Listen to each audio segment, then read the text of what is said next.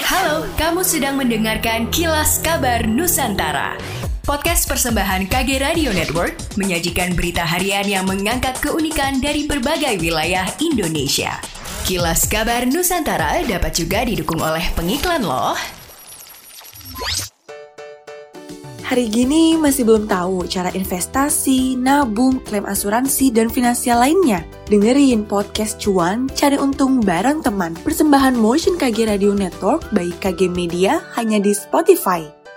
Mawardi Hayang Wakil Gubernur Sumatera Selatan mengatakan Pemprov Sumsel. Pemprov Sumsel telah membentuk TPK atau Tim Pendamping Keluarga hingga tingkat desa yang siap mendampingi dan memberikan arahan untuk para calon ibu. Program penurunan stunting di Sumatera Selatan terus dilakukan dan sudah dibentuk TPK hingga desa dan regulasinya di lapangan terus digalakkan. Pemprov Sumsel menargetkan angka stunting tiga tahun ke depan dapat diturunkan sejalan dengan target yang ditetapkan pemerintah pusat, mana Presiden Jokowi menargetkan angka stunting turun hingga 14 persen pada 2024 mendatang.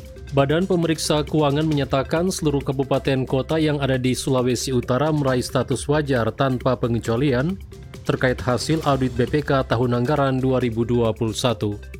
Keberhasilan itu diutarakan oleh Pius Lustri Lanang, anggota Komisi 6 BPK RI, merupakan buah dari kerjasama yang baik antara BPK dan pemerintah daerah yang dinilai kooperatif dan cepat tanggap dalam menyerahkan setiap berkas yang diperlukan saat pemeriksaan.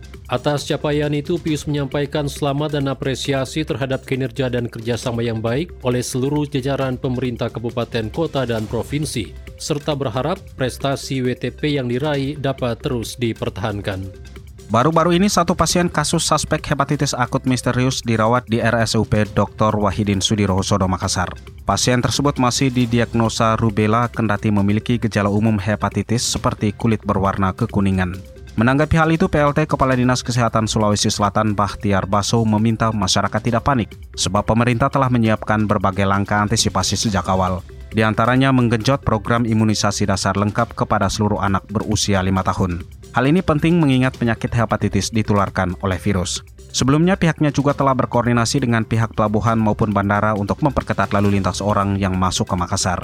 Selain itu memeriksa kondisi penumpang anak berusia 1 sampai 16 tahun jika memiliki indikasi gejala-gejala hepatitis akut misterius. Di sisi lain Dinas Kesehatan juga tetap menggalakkan vaksinasi COVID-19 untuk anak usia 6 sampai 11 tahun. Hal itu untuk antisipasi karena adanya isu hepatitis akut misterius berkaitan dengan virus COVID-19. Pemprov Sulsel juga telah menerbitkan surat edaran yang ditujukan seluruh bupati dan wali kota se-Sulawesi Selatan, direktur rumah sakit daerah maupun swasta, serta kepada Kepala Balai Besar Laboratorium Kesehatan untuk menyiapkan fasilitas kesehatan. Demikianlah kilas kabar Nusantara pagi ini.